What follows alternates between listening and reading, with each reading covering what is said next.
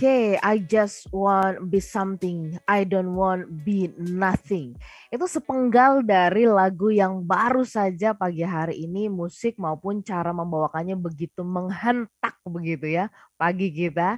Selamat pagi smart listener, lagu yang berjudul Destiny from Nevex membuka kebersamaan kita di dalam Smart Happiness yang akan mengajak kita untuk merenungkan, menajamkan apa takdir kita, apa nasib kita, apa yang disebut dengan takdir dan apa yang disebut dengan nasib. Seringkali keduanya kita tumpukan kepada yang kita sebut Tuhan. Benarkah demikian? Selamat pagi Smart Listener. Sekali lagi saya bersama-sama dengan Pak Arfan Pradiansyah pagi hari ini akan mengajak Anda untuk menajamkan merenungkan ini bersama-sama. Selamat pagi Pak Arfan. Selamat pagi Mbak Ola, apa kabar hari ini? Ah, membiru. blue feeling gitu ya. Ah, ya, ya. Kalau Pak Arfan ini pasti habis ini akan ada sesi kelas ini kelihatannya nih. Betul, betul Bola. Nah, kelihatan dari warna batiknya. Tahu aja ya. Aja. Baik, Pak Arfan dari lagu ini, lagu ini walaupun di, um, apa namanya uh, ya dibawakannya dengan cara semi rap gitu ya Uh, tapi dari lagunya kalau kita simak tadi dari bait per baitnya itu bermakna banget. Nah, di bagian mana Pak Arfan ingin coba memberikan penekanan? Silakan. Ya, terima kasih banyak Mbak Ola ya. Jadi lagu ini dari Nevex ya. Ini bercerita mengenai um, curahan hati seseorang ya, atau curhat seseorang yang berjuang untuk meraih yang dia impikan sejak dulu gitu.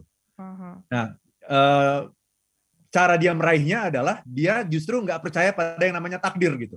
Karena hmm. bagi dia takdir itu akan membatasi dia, akan menjadi sebuah limiting belief yang membatasi dia untuk meraih apa yang dia inginkan. Ya, karena itu dia intinya supaya dia bisa mencapai apa yang dia inginkan, caranya gimana? Ya dia siap untuk melakukan apa pun, gitu, ya hmm. berani melakukan apa pun, berani melakukan mengambil action gitu ya.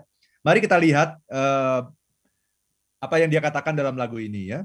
I don't believe in destiny. I just do what's best for me. Aku tidak percaya pada takdir, dia bilang begitu. Aku hanya melakukan yang terbaik untukku. Don't listen to my enemies. Jangan dengerin itu musuh-musuhku. They are just full of jealousy. Mereka itu penuh dengan kecemburuan saja. Hmm. This legacy, you got see what's left of me. Warisan ini, kau akan melihat apa yang tersisa dari diriku ya you gonna see success in me. Ya, kamu akan melihat kesuksesan yang ada dalam diriku. You ain't seen the rest of me.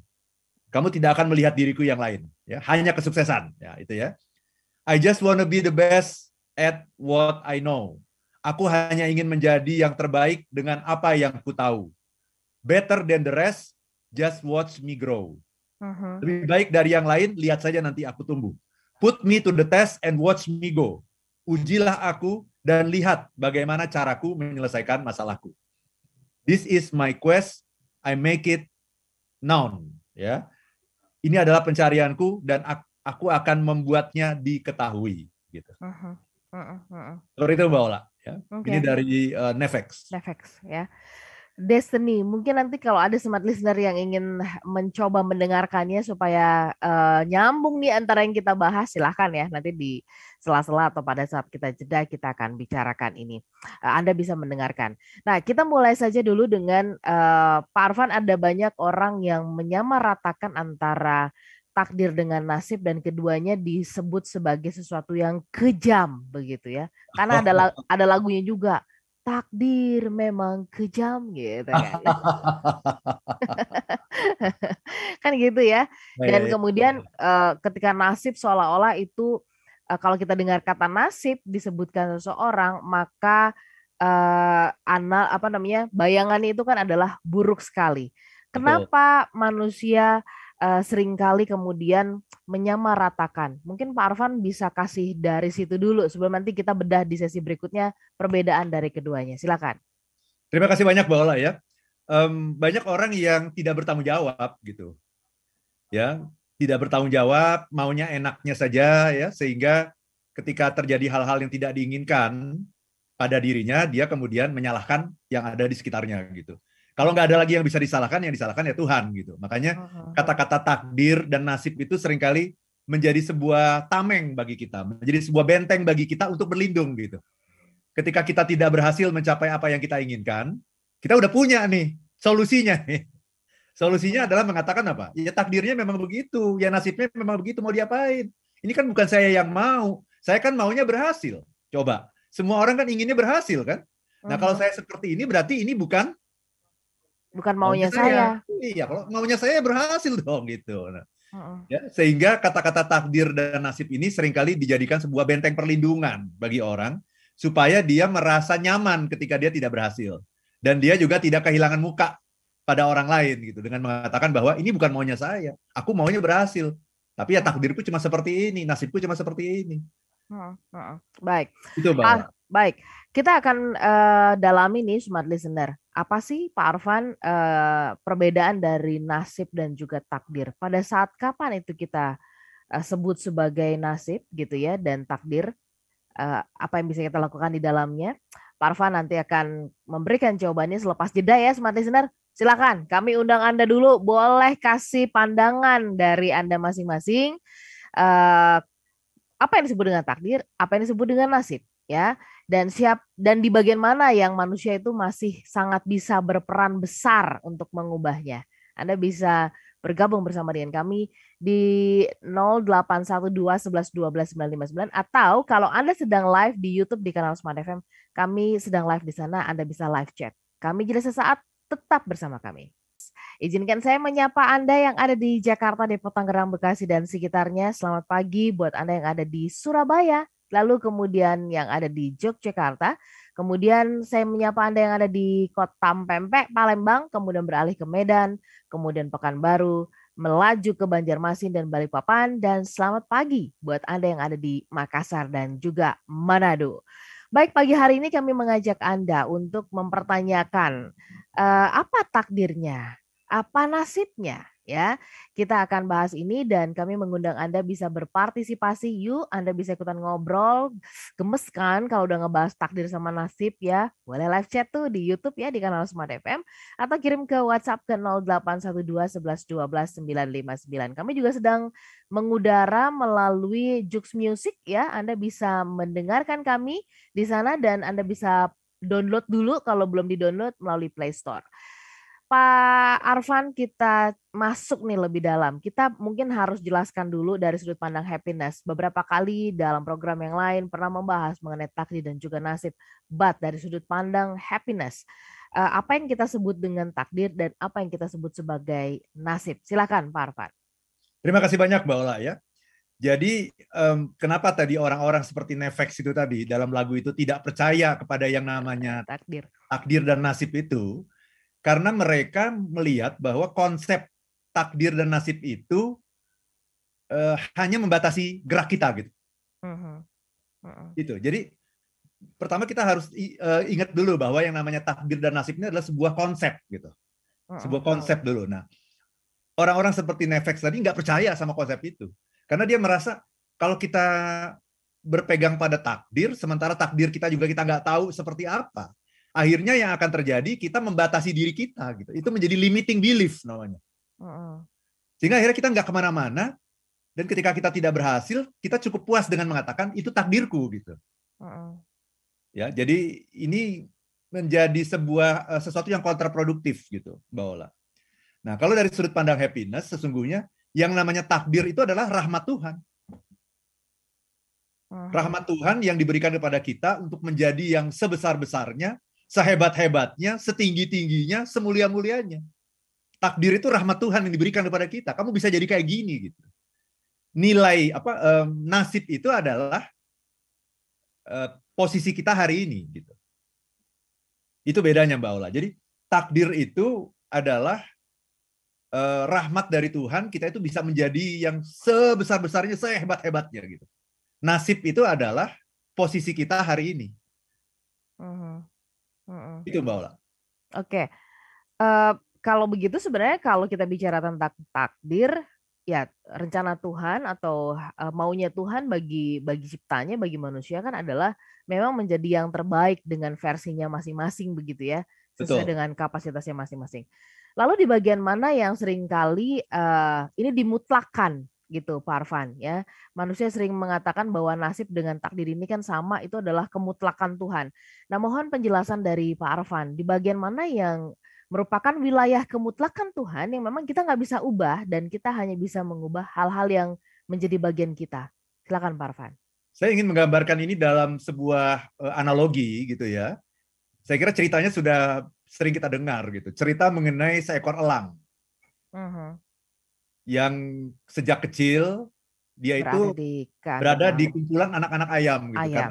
kan. Ya. Waktu itu dia di uh, telur elang itu jatuh ke kandang ayam dierami oleh ayam, induk ayam. Induk Akhirnya ayam. Ya. Menjadi uh, bergaul dengan anak-anak ayam gitu. Dan dia merasa dirinya tuh anak ayam gitu. Karena dia bergaul dengan anak-anak ayam. Suatu ketika dia melihat ada elang yang terbang tinggi di udara. Kemudian uh, naluri keelangannya muncul gitu. Kemudian dia mengatakan, eh enak juga ya kalau bisa terbang kayak begitu. Aku bisa nggak ya terbang kayak begitu gitu. Mhm. Ya. Nah, yang ingin saya gambarkan dalam cerita ini adalah kalau kita bicara takdir, takdirnya itu elang. Takdirnya itu jadi elang yang bisa terbang ke mana-mana, yang gagah gitu ya, burung yang gagah itu burung elang itu kan. Tapi nasibnya membuat dia ada di eh, merasa dirinya sebagai anak ayam. Mhm. Nah, mudah-mudahan cerita ini bisa membayangkan kepada kita apa perbedaan takdir dan nasib. Ya. Jadi takdir itu adalah potensi kita yang dianugerahkan Tuhan kepada kita. Rahmat Tuhan yang terbesar itu adalah takdir. Dan setiap orang itu dikirim Tuhan ke dunia ini untuk menjadi yang terbaik dalam bidangnya masing-masing. Mhm. Tuhan tidak pernah bikin produk cacat. Enggak pernah. Tuhan selalu bikin produk itu yang sempurna. Gitu ya, Dalam sempurna sebagai pandangannya. manusia. Tentunya yang Ya. namanya sempurna sebagai manusia itu ya punya punya kelemahan juga ya, punya kelebihan dan punya kelemahan. Karena kalau tidak punya kelemahan, justru kita tidak sempurna sebagai manusia. Kalau kita tidak punya kelemahan, ya. Jadi punya kelebihan dan punya kelemahan. Tapi Tuhan itu ketika menciptakan kita itu, kita itu produk terbaiknya dalam bidang kita masing-masing. Kenapa? Karena kita dikirim Tuhan ke dunia ini untuk menyelesaikan sebuah masalah. Nah, itu Hmm. adalah misi, misi penciptaan gitu, tujuan penciptaan. Iya. Iya. Gitu, Mbak Ola. Jadi eh, kalau sudah diciptakan dengan yang seperti itu, dengan yang sebaik itu, nah itulah yang namanya takdirnya gitu. Takdir kita tuh elang. Takdir semua orang yang ada di sini itu elang. Tapi kenapa hari ini kok kita nggak nggak menjadi elang? Kenapa? Mungkin karena kita punya limiting belief yang menghambat kita, sehingga kita melihat diri kita sebagai anak ayam. Anak ayam itu nasib, elang itu takdir. Mhm. Itu, Elang itu adalah eh, status atau posisi kita pertama diciptakan adalah untuk apa begitu ya Pak Arfan ya. Pak Arfan sebagai seorang pria yang eh, berkarisma begini dan begitu begitu saya seorang perempuan. Jadi kalau misalkan saya punya keinginan kayaknya kalau jadi Pak Arfan itu kayaknya gagah banget deh. Gimana kalau saya meng- mengubah diri saya menjadi seorang Pak Arfan yang gagah begitu ya dengan segala bentukannya, rupanya saya mengikuti Pak Arfan. Apakah itu bisa kita sebut sebagai melawan takdir Pak Arfan? Betul sekali Mbak Ola, itu namanya melawan takdir. ya em, kita diciptakan untuk sesuatu yang hanya untuk kita bukan untuk orang lain kita Hmm. tidak diciptakan untuk menjadi orang lain gitu karena orang lain itu sudah punya takdirnya masing-masing semua orang itu punya takdir masing-masing nah takdir itu ada dua mbak Ola Hmm. ada takdir yang sudah terjadi ada takdir yang belum terjadi Hmm. takdir yang sudah terjadi adalah saya lahir sebagai laki-laki Hmm. ya, ayah saya X ibu saya Y katakanlah begitu Hmm. Ya, ayah dan ibu kita itu adalah takdir bagi kita. Sesuatu yang sudah tidak bisa kita ubah. Ya. Kita lahir eh, sebagai orang Indonesia, itu takdir. Gitu ya. Itu sudah terjadi namanya. Itu takdir itu ada dua, yang sudah terjadi Dan yang belum terjadi. dan yang belum terjadi. Nah, yang belum terjadi adalah kita ini semua sesungguhnya ditakdirkan menjadi elang dalam bidang kita masing-masing. Hmm. Hmm. Kita menjadi elang. Tetapi hari ini nasib kita kita baru menjadi ayam. Hmm. Itu Mbak Ola. Jadi Hmm. em, masalahnya takdir itu kita nggak bisa lihat gitu. Sehingga kita melihat hanya yang ada di hadapan mata kita hari ini, yaitu ya menjadi ayam hmm. dengan segala keterbatasannya gitu. Padahal kita bisa terbang loh. Kita nggak pernah mengeksplor itu. Kita nggak pernah tahu bahwa kita tuh bisa terbang sebetulnya. Hmm. Nah, itu Mbak Ola. Baik, Pak Arfan, apa yang membuat kita sering kali terjebak uh, di dalam kub, ya di dalam uh, apa namanya lingkaran mempertanyakan mana nasib dan juga mana takdir sehingga kemudian ketika kita bicara takdir itu kan wilayah Tuhan banget gitu ya, Pak Arfan ya. Um, dan nasib itu wilayahnya manusia yang artinya kita punya peran untuk mengubahnya begitu. Tapi kita sering lihat ada banyak contoh di mana kita terjebak di dalamnya. Menurut Bapak apa faktor yang membuat kita terjebak di dalamnya? Very good question. Orang-orang yang terjebak di dalamnya adalah biasanya orang-orang yang tidak berprestasi. Orang-orang yang mempertanyakan takdir dan nasib itu biasanya adalah orang-orang yang banyak masalah. Uh-huh. Yang hidupnya begini-begini aja, nggak ada peningkatan. Sehingga dia ingat bahwa dia mencari perlindungan dong. Uh-uh. Itu yang namanya self defense mechanism kan, mekanisme pertahanan diri. Kok saya seperti ini? Ini bukan maunya saya. Saya maunya berhasil. Saya maunya jadi orang terkenal gitu. Kenapa saya seperti ini? Ya ini bukan maunya saya, ini memang takdirnya. Nah, sementara orang-orang yang sudah berhasil itu biasanya bahkan lupa sama takdir. Gitu. Namanya manusia kan kadang-kadang lupa kan.